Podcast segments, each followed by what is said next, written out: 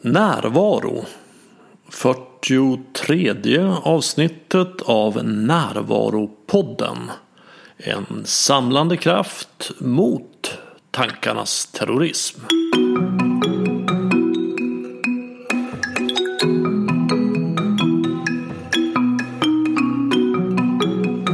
Det här är Bengt Renander. Och först vill jag flagga för den föreläsning om maskulint och feminint som jag håller i Stockholm den 10 oktober.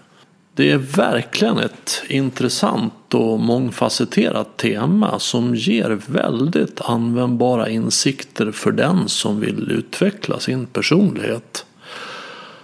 Under min föreläsning så kommer jag framför allt att ge en tydlig och användbar bild av hur man kan se på sin maskulina och feminina sida.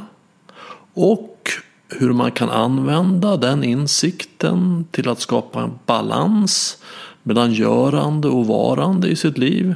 Och inte minst till att skapa attraktion och passion. Alla föreläsningar hittills har blivit utsålda och det blir förmodligen den här också snart. Så anmäl dig via länken som finns under rubriken föreläsningar på min hemsida renander.nu. Dagens gäst, Ise Lundborg, har jag fått tips om från en lyssnare. Lyssnaren beskrev Ise som en människa fylld av kärlek och frid och som var närvarande mest hela tiden. Och bad att få höra ett samtal mellan mig och Ise om närvaro. Det här väckte ju naturligtvis min nyfikenhet och det blev mycket riktigt ett spännande samtal tycker jag. Där vi jämför våra olika erfarenheter av att vakna och att vara vaken. Och jag vet inte men kanske vi snöar in för djupt ibland. Och det är väl kanske inte det allra första avsnittet du ska höra om närvaro. Men för dig som har kommit en bit på vägen och gjort en del erfarenheter så tror jag att det faktiskt finns en hel del intressant i det här samtalet. Vi pratar om att på riktigt älska sig själv, om ögonblicket när självet tränger igenom. Om att vara alldeles vanlig och lycklig. Om att göra motstånd mot kärleken i sig om att känna sig tom och öppen. Om hur närvaro leder till trygghet. Om att hitta sig själv och leta efter sitt ego. Om hur vägen till närvaro kan te sig. Om att inte kunna oroa sig. Om närvaro som att ha sin uppmärksamhet i det innevarande ögonblicket och uppleva världen om att hitta sanningen om mig i mig. Om att se varandra på riktigt. Och om att hugga ved och bära vatten. Göra en andlig resa. Och sen hugga ved och bära vatten. Här är Ise Lundborg.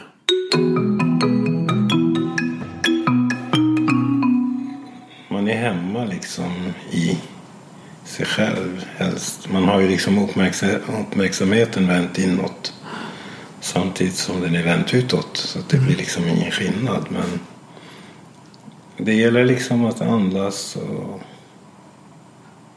ja, vara sig själv helt enkelt. Mm. Det är inte så mycket jag kan göra för varje, varje gång jag anstränger mig så blir det ju fel också. Mm. Det blir liksom en spänning att anstränga sig för att komma i i kontakt med sig själv. Egentligen så, så, så är det vår natur, naturliga tillstånd. Ja, jag brukar säga att det finns ingen jobbig väg till närvaro. Nej. Utan sättet att komma dit är att slappna av in i den. Ja. För precis som du säger, egentligen så kan vi inte vara någonting annat än här nu. Nej. Utan det är bara den här förmågan att tänka som har gjort att vi kan dra iväg. Ja. ifrån nuet. Men, men rent fysiskt är det helt omöjligt att vara något annat än närvarande. Nej. Eh, människan är väldigt komplex att man söker sig man söker trygghet i, i, i, i ens egen trygghet när man är redan trygg i sig själv. Mm. Men så söker man trygghet i det yttre eller i framtiden. Och så tänker man oftast också i dåtid. Och, och då är man borta från... eh, Man, man kommer ihåg liksom det som är... Eh, som är eh, i det förflutna. Som ofta är det känslor och minnen utav olika trauma och det ena och det andra. Som man liksom är fast i. Som man kan kalla för condition. Condition på engelska. Vad säger man på svenska? Villkorat. Ja, just det. Det som är betingat. Och, eh, och så flyr man för att man, man vill ju känna sig säker. Man vill ju må bra, man vill vara trygg och, och då oftast i framtid och, eller i, i det som är betingat. Ja, för man kan ju säga att den där delen, tankarna, egentligen, egentligen har en väldigt fin intention. Den vill hjälpa oss att överleva. Mm. Och det gör den genom att lära sig av det som har gått fel i det förflutna. Det ska jag tänka mycket på så att jag inte gör om det. Så ska jag försöka räkna ut vad som kan gå fel i framtiden och så ska jag hitta lösningar på det. Och även lösningar på det som kan gå fel med min lösning. Ja, Men det innebär ju att jag kan ha att göra från morgon till kväll ja, genom att överleva. Så det är ett tillstånd av rädsla. ja. Och den rädslan står inte alls i proportion till faran. Nej, Det är inte alls så farligt nej, som vi är rädda. nej. Det är sant. Rädslan är ju, är ju den som, eh, som gör så att vi flyr från, från oss själva. Och det gäller liksom att arbeta med den delen så att man slappnar av och är i nuet och, och bara iaktta. För iakttagelsen är ju det viktigaste. För det är då allting transcenderas, allting transformeras. Men när man säger att jag vill vara i nuet eller jag vill inte vara i dåtid, jag vill inte vara i framtiden. Då är man borta också. För att när man går och lägger sig så är man som mest avslappnad. För då ska man vara trygg i sig själv när man vaknar. Och så när, när man börjar röra sig liksom i, i, i livet. Eh, Men framförallt när man lägger sig, när man kommer hem. För då är man inte så mycket i handlingen. Men, men det där är ju inte sant för, för väldigt många. De, de är ju som minst avslappnade när de går och lägger sig. Mm. Kan inte sova. Det är tankar och rädslor och begär och hur ska det gå och hur ska det bli. Ja, just det. Det är tvärtom. Ja. Men det, men det är då man har ju tid för att eh, med sig själv. För att man är inte, om man inte har någon relation också. Eller barn eller vad det än är. Så kan man ju bara gå in i sig själv och jobba med sig själv. Okej, så, så du rekommenderar att när man går och lägger sig så det är ett bra tillfälle att jobba med sig själv? Absolut. Och ifrågasätta om man, om man, om man känner att någonting är inte bra. En känsla som, som är jobbig eller. Eller någonting som har varit på dagen. Som, någon erfarenhet som påverkar en. Eller någon person, någon relation som man har haft lite svårt med.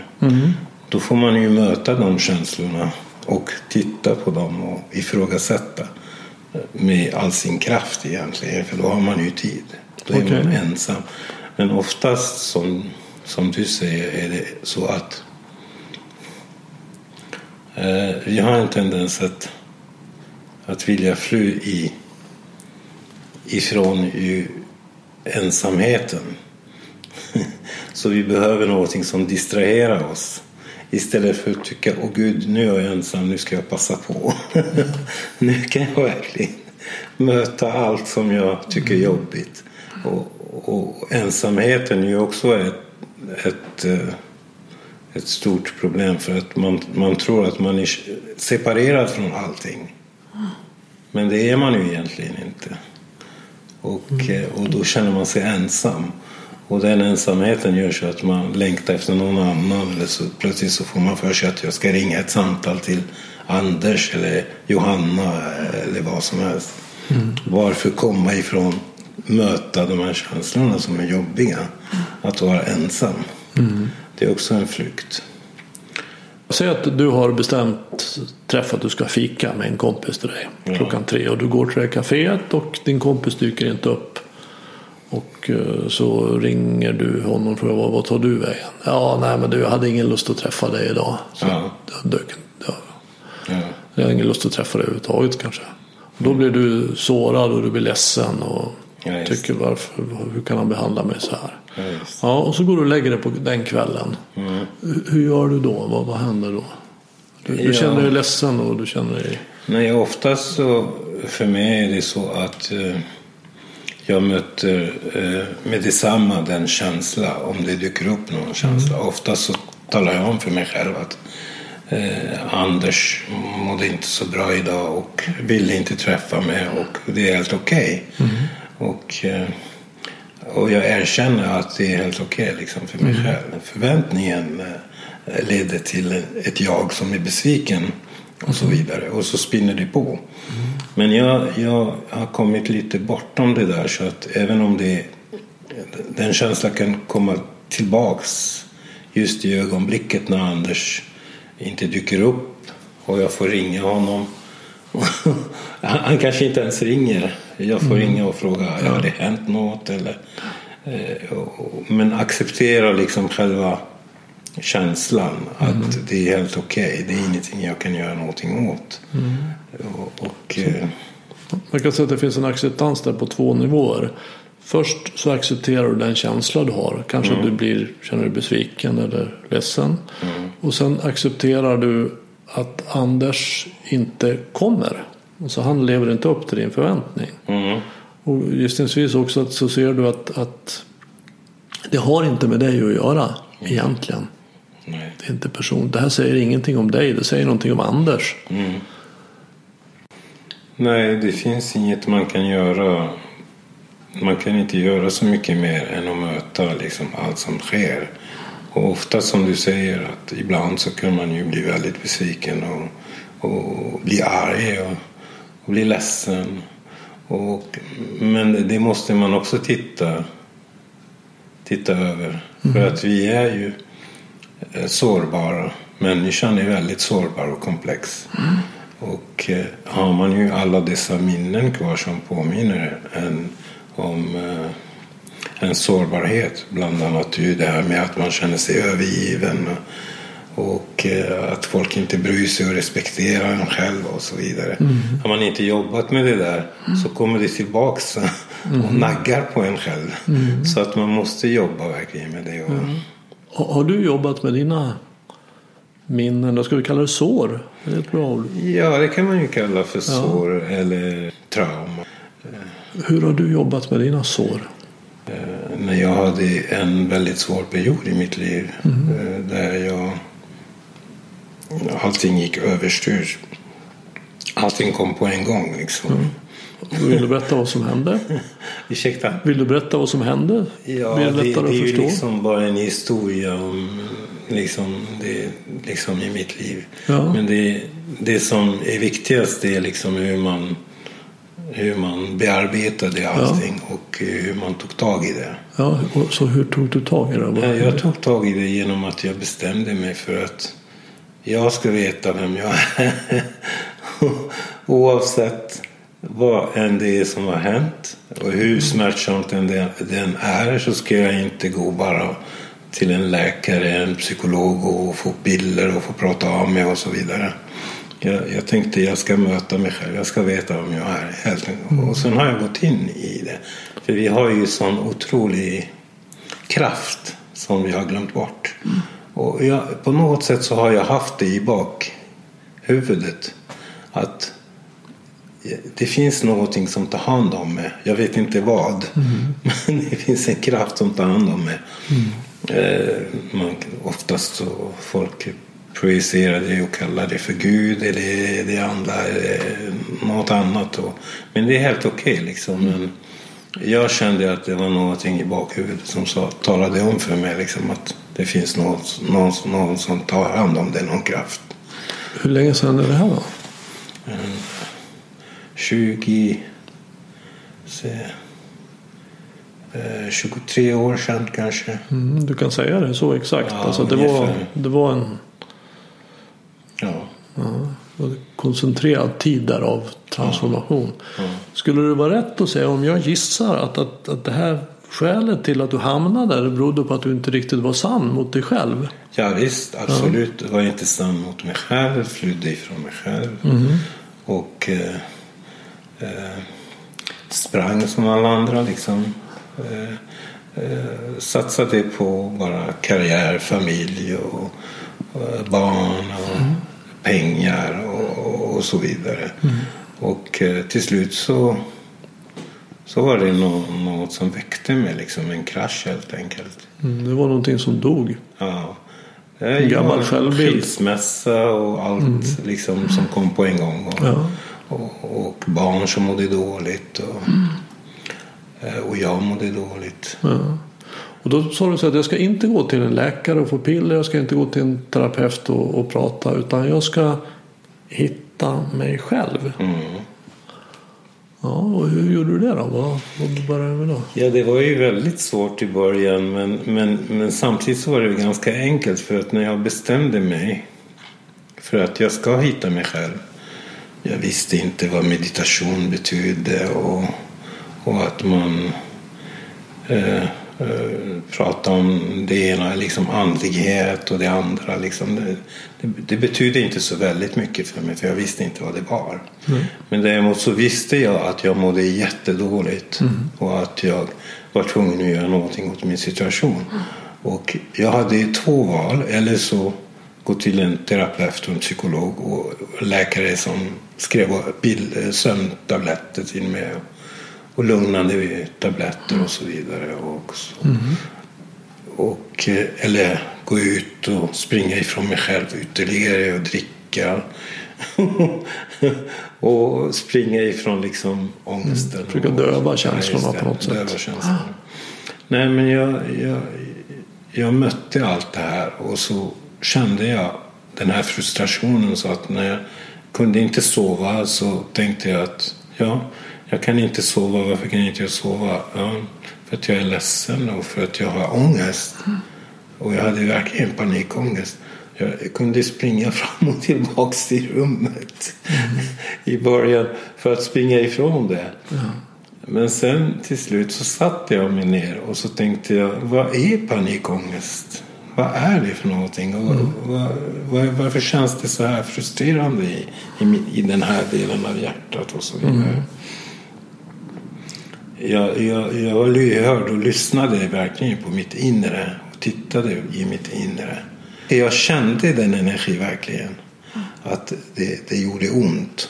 Och, att, och då satte jag mig ner och sen så kände jag okej, jag accepterar här, den här känslan. Och den, här, den, den kanske vill hjälpa mig, den vill tala om för mig att jag är på väg åt, rätt, åt, åt fel håll. För ångest är egentligen något som man springer ifrån. Och ångesten är någonting som kommer till dig som manifesterar sig på grund av att jag inte har lyssnat på mig själv. Under ångesten så finns ju den här friden och den här kärleken. Men det visste inte jag från början. Jag kände, jag började med ångesten och mötte den. Och så kände jag liksom att ju mer jag mötte min ångest ju mer så släppte det. Och så plötsligt så fick jag mera space. Mycket, jag kunde andas, mådde bättre och, och så blev jag lugnare och så vidare. Och tryggare. Och då började jag lyssna på den här delen. Och när du säger möta ångest så förstår jag det som att du menar att du kände den. Ja. Ja. Jag kände den och jag kunde också se den som energi. Jag fick någon märkligt seende så att jag kunde se energi när den blockerades och när den expanderades och när det upplöstes. Så du satte ner, du, du kände istället för att gå in i ångesten och identifiera dig med den så kände du den. Och då uppstår också en del som bevittnar den. Du får ju kontakt med det som bevittnar den. Absolut. Och den delen är lugn. Mm. Oavsett vad, vad den bevittnar. Ja, just. Och, och på så sätt så kommer du ur den. Ja, just. Mm, Så du hittade det här själv kan man säga. En dag så... Ja, så, så blev allting värre och värre liksom ändå. Samtidigt, jag mådde inte så här riktigt, riktigt bra. Så jag bestämde mig för att igen en gång till för att jag ville ha jag ville verkligen uppleva kärlek i mitt hjärta. Jag ville inte uppleva allt det här, oro i, i sinnet och så vidare. Och då gick jag inte ut par veckor. Och så satt jag mig hemma. Och så tänkte jag, jag tänker inte gå ut förrän jag vet vem jag är. Mm. Det var lite märkligt. Och så satt jag och mediterade varje dag. Åt och var liksom, mötte alla känslor och allting. Och så en dag så satt jag mitt framför en spegel. Och jag, det var så här omedvetet. Jag hade en stor spegel framför mig. Och satt jag och mediterade och så tittade jag på spegeln samtidigt och så såg jag mig själv.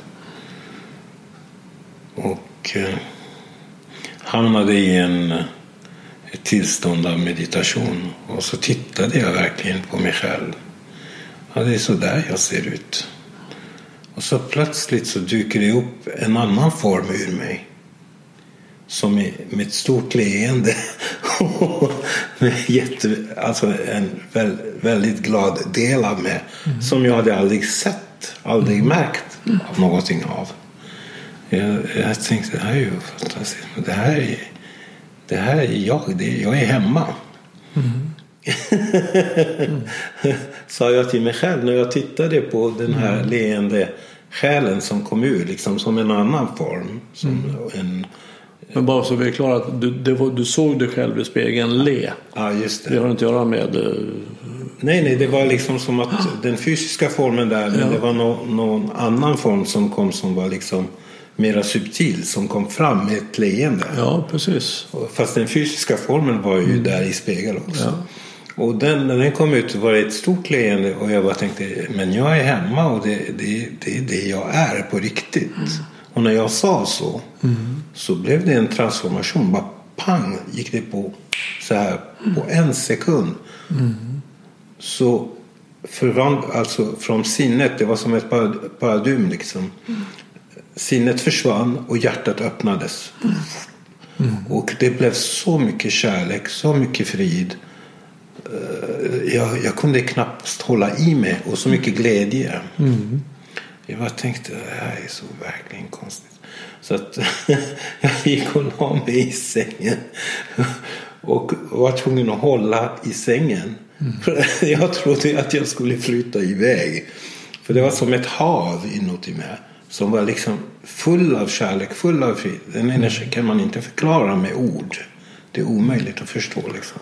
Men jag kan nog faktiskt, bara för några veckor sedan så var jag uppe var jag i Himalaya. Aha. På ett retreat. Där mediterade vi mycket och sjöng mycket chanting och yoga.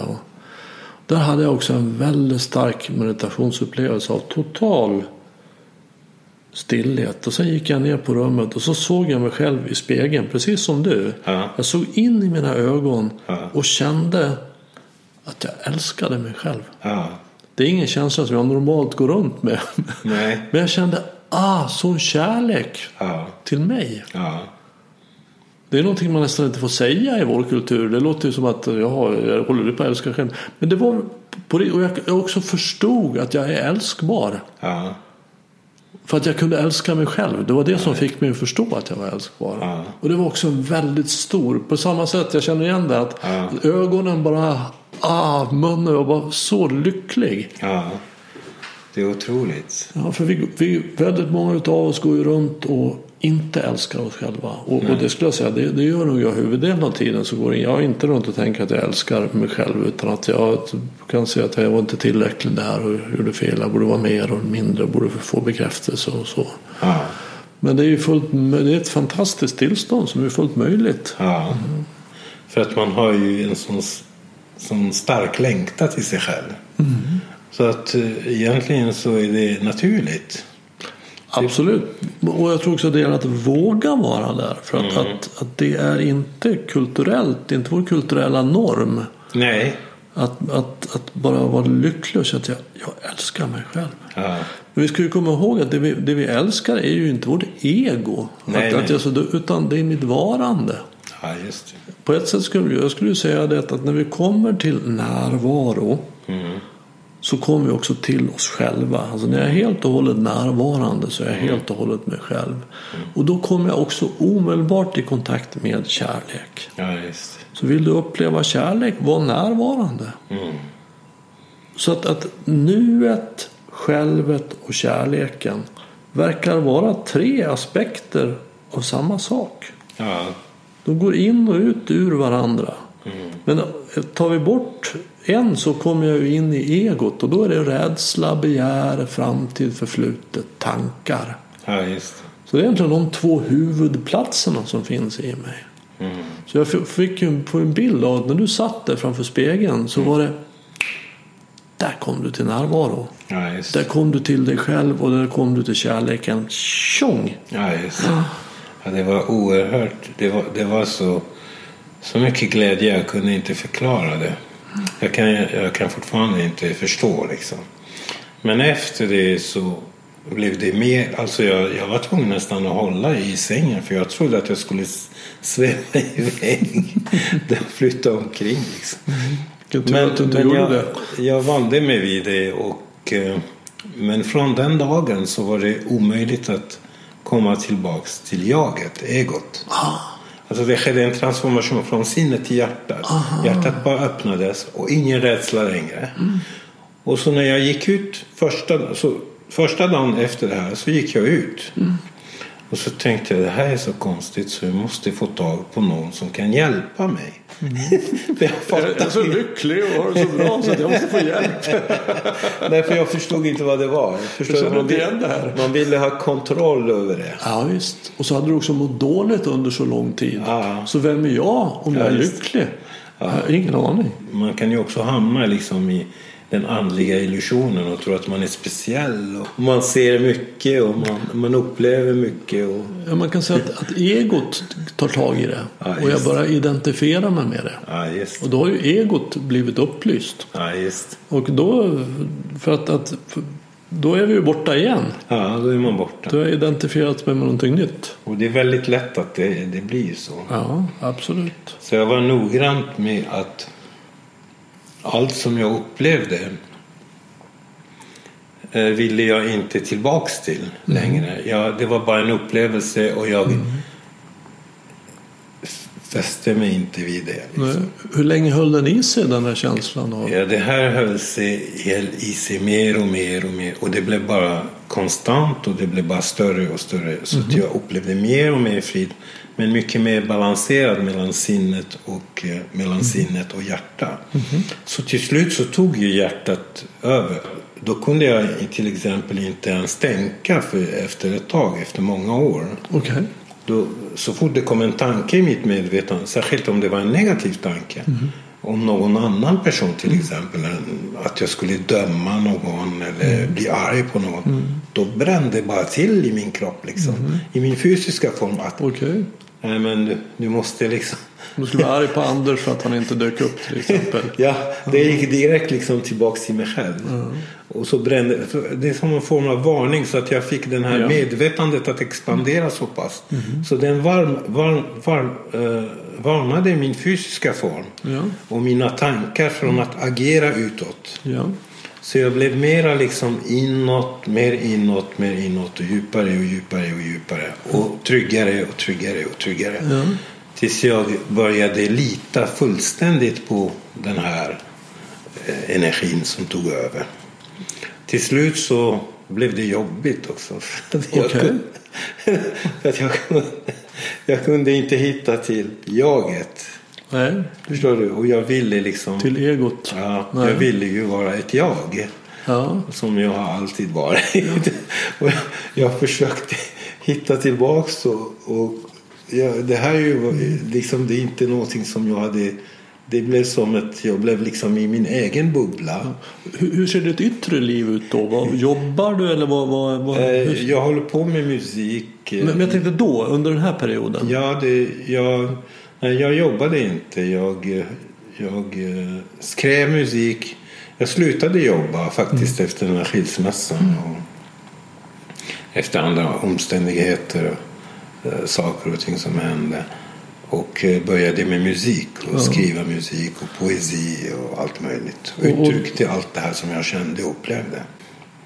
Den transformationen som skedde eh, från sinnet till hjärtat eh, expanderade mer och mer. Och sinnet avtog mer och mer. Och eh, ju mer jag mötte människor, ju mindre egot kunde jag agera utåt. Så att allting blev mycket mer rädslorna. Så att om det kom någon som, som berättade någonting som, som mådde dåligt till exempel.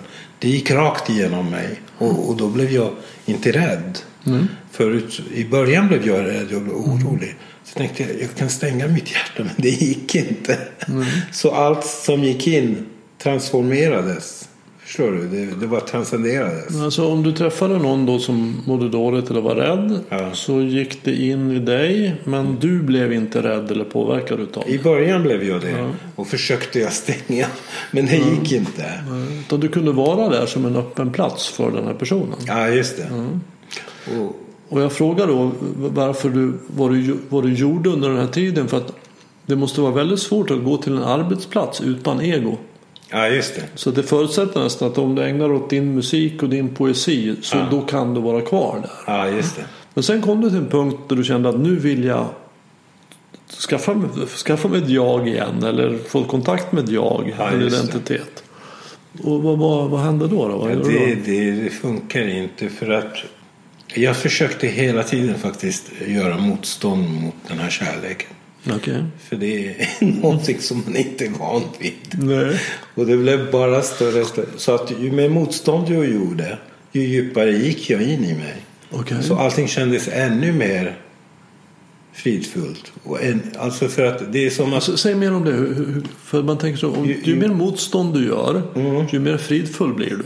Ja, just det. Hur för motståndet känns liksom i, i sin, eh, som försöker återskapa sig i sinnet som Mhm. ett jag. Mm. Men det, det, kommer, det, liksom, det blir bara så att jag kommer ännu närmare mig själv. Ja. Så det, du ser att det är egot som gör motstånd. Ja, just det. Och när du kan bevittna det motståndet så kommer du ännu djupare in i dig själv. Ja, just det. Och då blir det mycket mera bliss.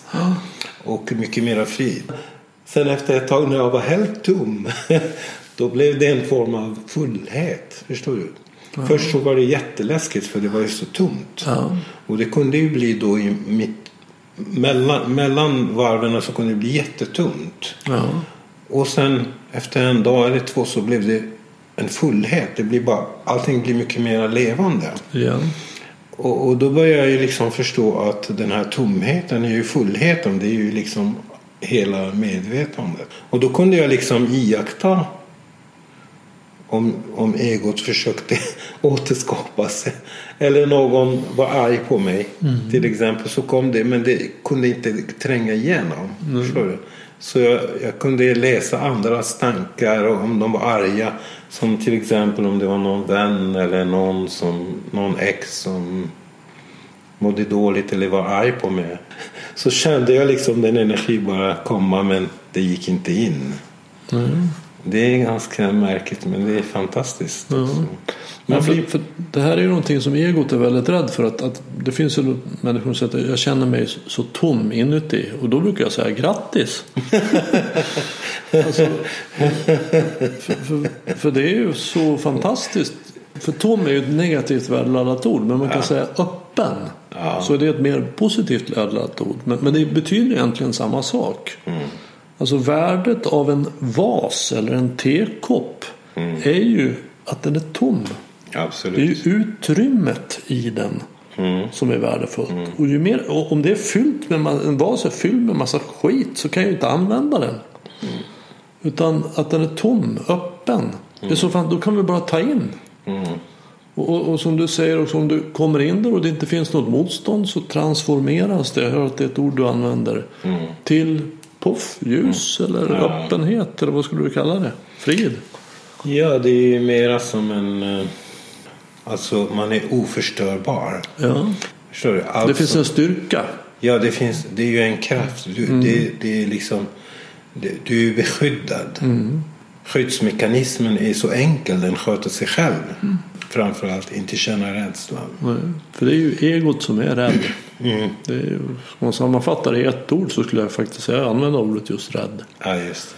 Egot. Och när du tar bort rädslan, när du inte längre är rädd, då kommer du till det här tillståndet kan man Ja, säga. det är en, en, en trygghet.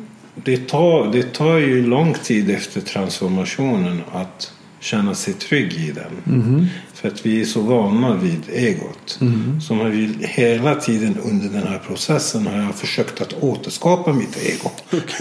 Trots att jag, jag är full av kärlek och frid och omgiven av den här friden och här kärleken.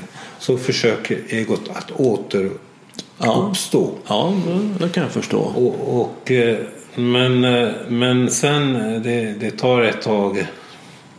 Man kan till och med, alltså till och med att ilska kunde ju komma fram ibland. Att varför hittar inte jag mig själv längre? Eller mitt ego då om vi ska använda Ja, tydligt språk. För självet hade du hittat. Varför är jag bara mig själv hela tiden? Var är mitt ego? Men alltså det kom ju faktiskt ilska till och med för att jag ville ju vara som alla andra. Det är ju ja. hemskt att gå i den här världen och inte veta vem man är. Men då kan vi säga i det ögonblicket så fanns ju egot där. För det är egot som vill vara som alla andra. Det är egot som vill hitta egot. Ja, just det. Ja, så det finns där. Ja, just det. Ja. Men samtidigt så den här medvetandet som jag är själv egentligen. Som iakttar det här för jag kan skratta åt mig själv. Just det. För att vad du gjorde, du såg på det med humor Ja, och det. öppenhet. För hade du varit emot det, då hade du ju funnits där direkt. Ja. Jävlar, jag ska inte ha något ego. Fan, nu kommer det här egot igen. Ja, just det. Då är egot där. Men det är också, det, det, det måste man gå igenom alla det här, den här leken liksom fram och tillbaka. Tills, tills det känns liksom tryggt. Vad, vad har vi för tidsperspektiv här? Du, du får liksom, för 23 år sedan så händer det en kris i ditt liv. Eh, och du börjar hitta inåt i meditation. Sen har du den här upplevelsen framför spegeln. Eh, Och det, är det fem år senare eller? en tioårsperiod kanske. Ja, tio år senare så sitter du framför spegeln och ser dig själv le Ja, ja, plötsligt. just. och ser att wow, den här bor inne i mig. Ja. Välkommen! Och sen så är den där, sen så håller du på flera år och den manifesterar sig eller fördjupas samtidigt som egot då vill komma tillbaks, knacka på och försöker hitta identiteter men det får inget fäste riktigt. Nej. Är det där du är idag eller vad? Ja, och ännu djupare. Nu, nu ser jag liksom att, att den här kroppen är i som en form av rymd. Liksom att man är uppfylld av den här rymden. Och eh, både i det yttre och det inre. Och, eh, och den här kroppen är som en rymddräkt. Jag, jag kallar det för rymddräkt. Okej, ja. Och det är en... All, och allting är i en rörelse. Alltså eh, rörelse där liksom subjekt och objekt och handling sker, sker där i möten med andra människor. Som till exempel du och jag pratar nu. Så jag, jag känner verkligen inte att du, du är där och du är en person. Men det, det är inte det jag ser. Förstår du? Vad, vad ser du då? Nej, jag ser att du är där och är en person. Samtidigt du är en fysisk form, du är påtaglig. Och jag är påtaglig. Men samtidigt så ser inte jag det. Jag ser igenom. Jag ser den, den, den rymden som är inom mig finns inom dig. Ja. Och runt omkring dig. Så att jag ser inte det som åtskilt från mig. Ordet rymd kan ju betyda egentligen i alla fall två saker. Det ena är, är alltså utrymme, att det är rymd, rymligt. Men sen kan det också bara på svenska betyda rymden, alltså universum. Absolut, ja. Och, och är det universum du tänker på? Eh, Jag tänker egentligen inte, för det är väldigt svårt för mig att tänka. Men, men Jag brukar säga att, att, det, att förstå livet och, och den man är, är är väldigt, väldigt svårt att, att beskriva det. Men däremot är det ganska enkelt att uppleva det. ja, Så går jag till upplevelsen så kan jag uppleva det här. Ja. Men förstå och beskriva det, det är inte så lätt. Nej, det, det går inte för det är att som separera, separera sig själv från det som är. Och, och det, det, funkar inte. Det blir liksom ett jag som återskapas på sidan om och som ska mm. separera sig från sig själv mm. och säga så här är det. Mm. Men på ett ungefär, med rymd så säger jag en helhet som inte har någon början och ingen slut och inte är påtaglig så att man kan ta på och som liksom hålla i krampaktigt. Mm. Man kan inte äga det, man kan inte kontrollera det. Det är liksom levande. Mm. Men skulle du säga att du är i det här tillståndet du lever ditt liv nu i det här tillståndet av egentligen total närvaro? Ja, mer... Eh, jag vill gärna fly ifrån den ibland men det funkar inte. Okay. Så att, Varför vill du fly ifrån den? Nej, för att det, människan ju är obegriplig. Alltså mm. att leva... Du är obegriplig. Ja, just det. Mm. Som jag. Jaget är obegriplig i den här världen och ibland mm. så vill man ju vara som alla andra. Man ser ändå, man har den här fysiska formen ändå. Ja. Och vad ser du för skillnader då på, på dig och, och på de andra? Egentligen så ser inte jag någon skillnad. Förut så kunde jag se deras frustration och ångest och mm. identifiera mig med det och så mm. försökte jag hjälpa. Förstår du? Mm. Men det blev mindre och mindre av sånt så att jag bara ser igenom allt det där. Mm. Och, och, då slutade jag identifiera sig med deras för att jag slutade uppleva det. Jag blev tum. tum. Mm. Så kunde jag inte uppleva det i mig så kunde jag inte uppleva det i andra. Så började jag se verkligheten i alla. Mm. Men, men, men, hur är det för dig då? Du, du oroar dig inte för någonting? Eh, nej. Nej. Inte vad jag vet.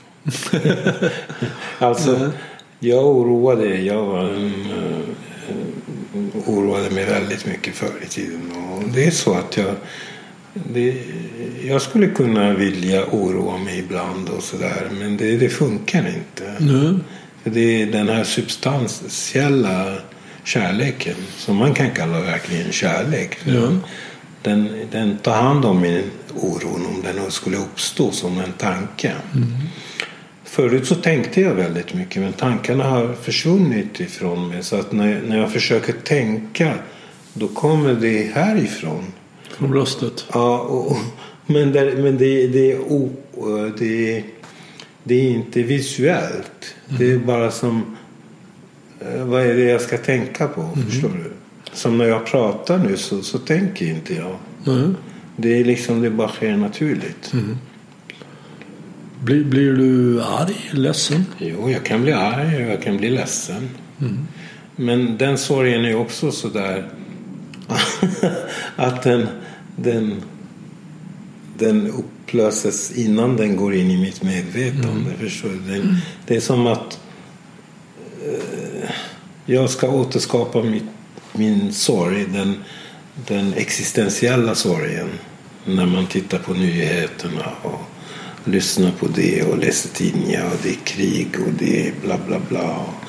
Och det är hat och det är nationalism och det är eh, det ena och det andra. Det är ju, världen är väldigt komplext. Mm. Och, och allting är fragmentiserat och dividerat Eh, genom religion, genom min religion är bättre än din. Och, och jag tror, och de vet inte att genom att tro bara, tro betyder att skapa krig, konflikt. Mm. Krishnamurti har ju skrivit om det att så fort jag börjar identifiera mig med någon religion eller någon tro eller politik ja. så har jag ju det är jag till, till skillnad från andra skapar separation vilket leder till konflikt. Absolut. När jag pratar om närvaro så brukar jag prata om det som förmågan att ha min uppmärksamhet i det innevarande ögonblicket. Ja, just. Så att jag har min uppmärksamhet här nu i upplevelsevärlden. Ja, just det. Och upplever nuet. Och alternativet är då att ha uppmärksamheten i tankevärlden. Som ju handlar mycket om rädslor och begär och framtid och förflutet. Ja, just. Som ju är en, en drömvärld. Ja. Den, den, den, finns ju inte. Så att jag kan, och den, det är en förmåga som man kan träna upp. Och är jag här så som vi pratar om, pratar om att då kan jag vara ett öppet kärl för det som händer. Ja. Men det är väldigt bra beskrivet för att det kunde jag inte beskriva det bättre faktiskt. Det kan jag känna att mm. både du och jag riktar den uppmärksamheten mm. mot varandra mm. när vi pratar ju djupare vi går in i mm. Absolut. konversationer. Ja. Och, och när jag tränar upp den förmågan, för jag ska säga mitt liv, jag är här varje dag i nuet. Men jag tappar också bort nuet varje dag och hamnar i tankevärlden. Ja, okay. Men jag ser över åren, jag har ju hållit på med det här i 20 år ungefär, ungefär lika länge som du. Och Ja. Att för varje år som går så är jag här i nuet lite oftare, lite mer. Ja. Det blir lite mindre drama. Och, eller ganska mycket. Om jag jämför med för 20 år sedan så är det ju en enormt mycket mindre drama. Mm. Så jag är, inte, jag är i tankevärlden inte alls så ofta, så djupt och så länge som en gång i tiden. Nej.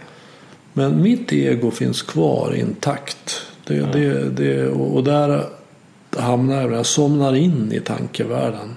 Ja, okej. Och precis som när man somnar in på kvällen så vet man inte när det sker. Nej. Och när man sover så vet man inte om det. Och sen när man väl har vaknat då ser man oj nu har jag sovit.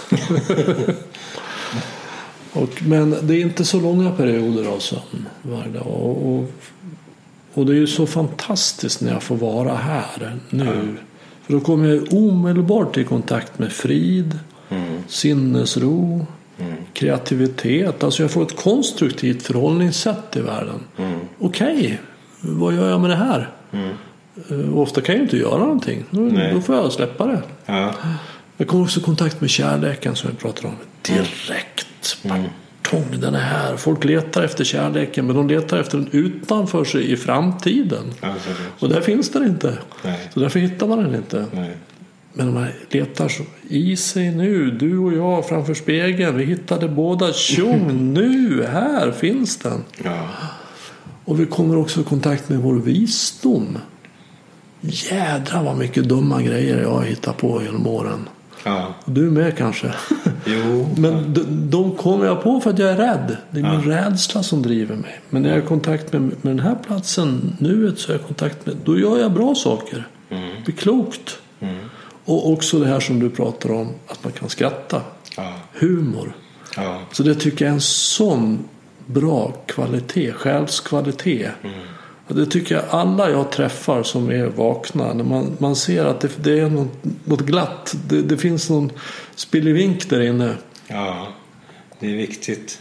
Man ser in i ögonen på en sån som Dalai Lama till exempel. Jag har aldrig Ja. träffat honom. Men Nej.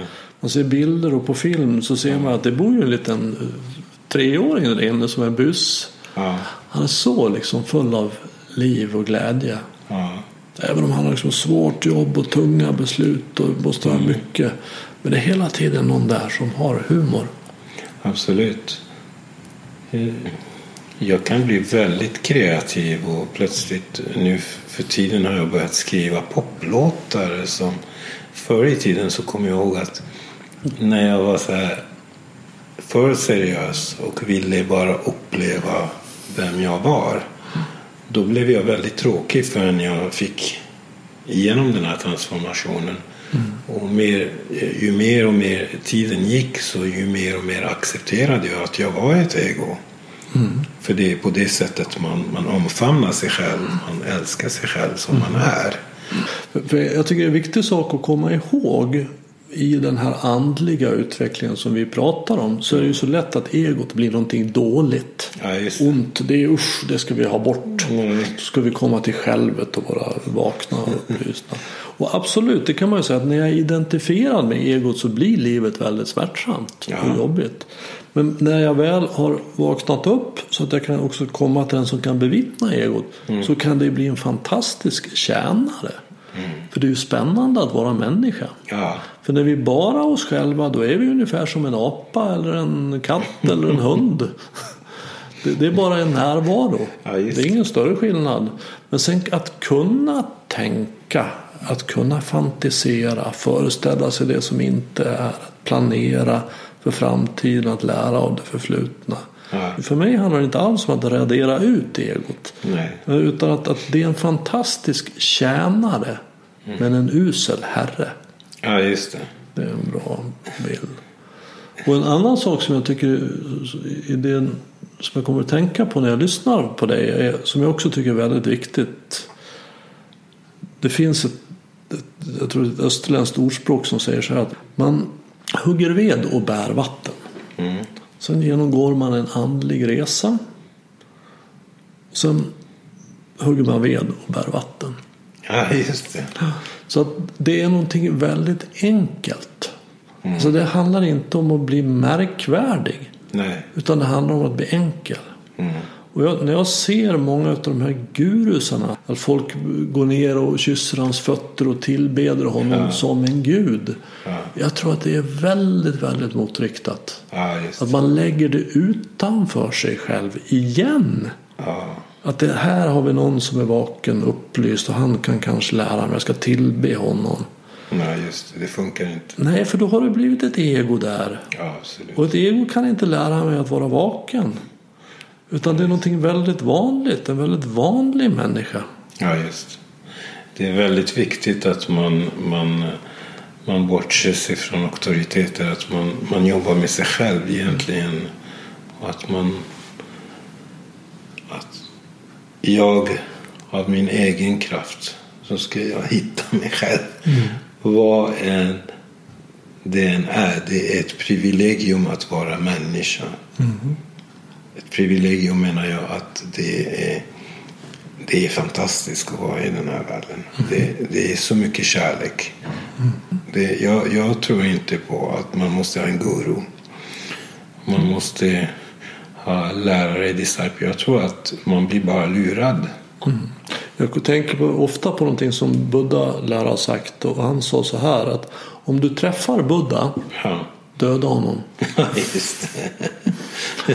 Och med det menade han att, att precis det som vi pratar om. Att lägg inte det här utanför dig själv. Producera inte ut det på någon annan. Att du behöver någon annan. Utan det här finns redan i dig. Ja, visst. Färdigt och klart. Mm. På ett sätt är det så enkelt. Ja. För det är redan här. Det finns bara en liten tunn glasruta bort. Ja, vi har ju en tendens att vilja att behöva någon annan som visar oss vägen. Ja. Det är så väldigt lätt. Vi är bekväma. Verkligen. Nej, men jag kan väl säga att, att jag har fått mycket inspiration. Och jag, jag vet inte om jag hade hittat hit utan det, de jag har träffat och det jag har läst och det jag har lärt mig. Det, det vet jag inte. Så det, det är ju värdefullt. Vi, vi kan behöva inspiration. Mm. Det betyder ju inspira till själen. Betyder det. Så att vi behöver näring till själen. Ja, Det är svårt om man befinner sig i en egomiljö där det liksom bara är rädslor och begär. Och det är det enda som finns. Det finns ingen där som man kan titta på. Som tittar på en med glada varma ögon. nej, nej. Det är väldigt viktigt att, att man kan se sig själv i andra. Som jag gör nu. Vi, vi föds i varandras blick. Ja. Det är så viktigt att bli sedd. Ja. Och att få se. Och det är så sällan det sker. Mm. Jo, det är jätteviktigt att se varandra.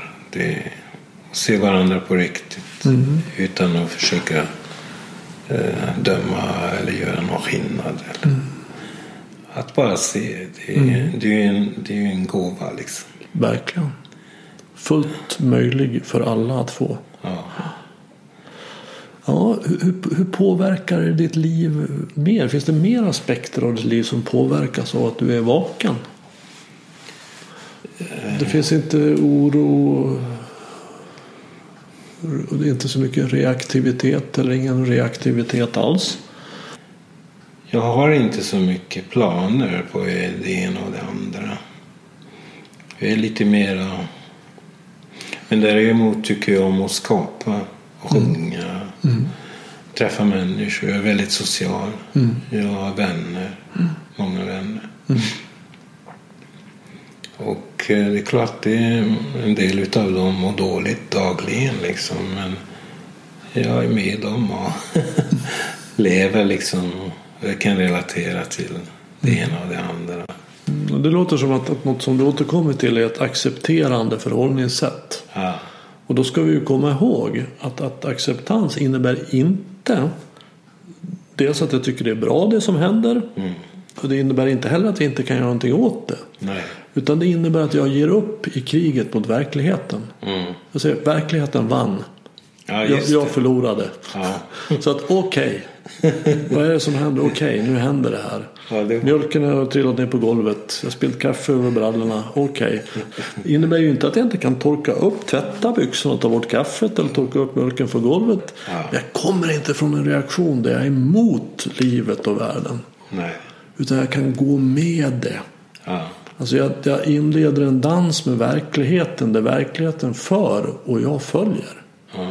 Och så får vi se vad verkligheten tar mig ja, i den här dansen. Jag har ingen aning.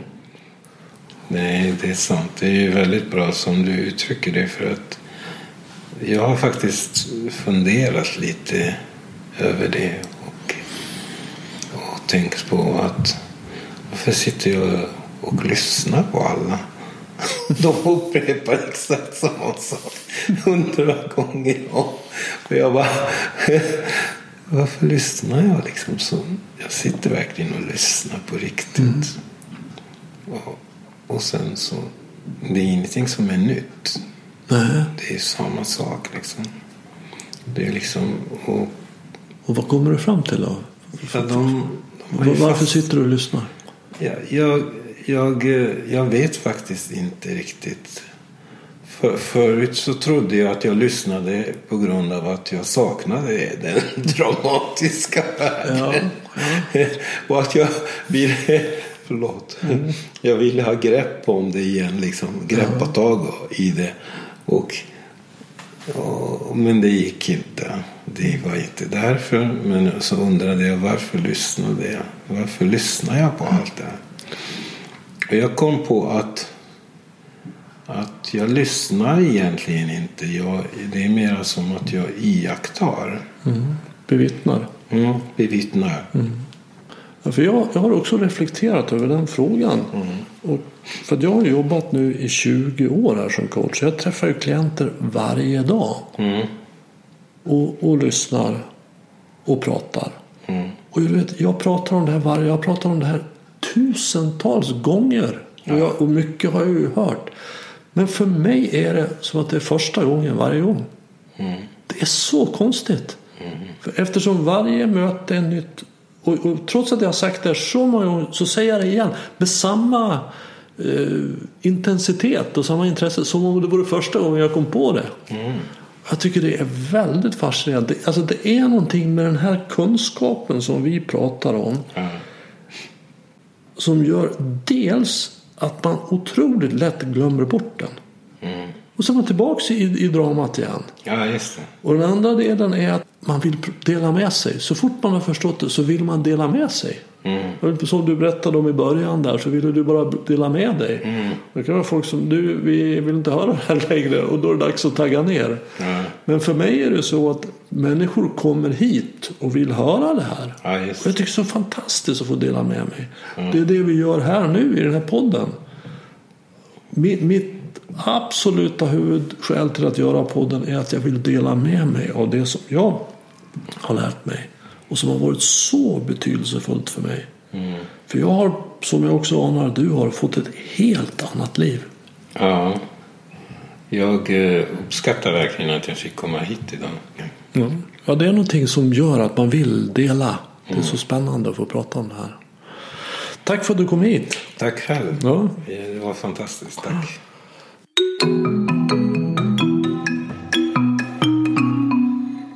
Vill du komma i kontakt med Ise så finns en länk till hans mailadress i anslutning till det här avsnittet på min hemsida renander.nu.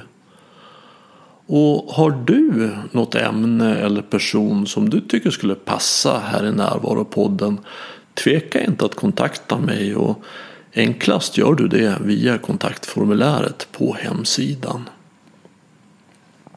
Vill du stödja Närvaropodden i kampen mot tankarnas terrorism så gör du det bäst genom att tipsa om att den finns till vänner och bekanta.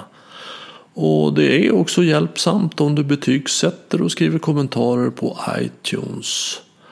Desto fler vi är som är vakna i verkligheten, ju mer kan vi förändra den på riktigt. På återhörande. Och du, var uppmärksam.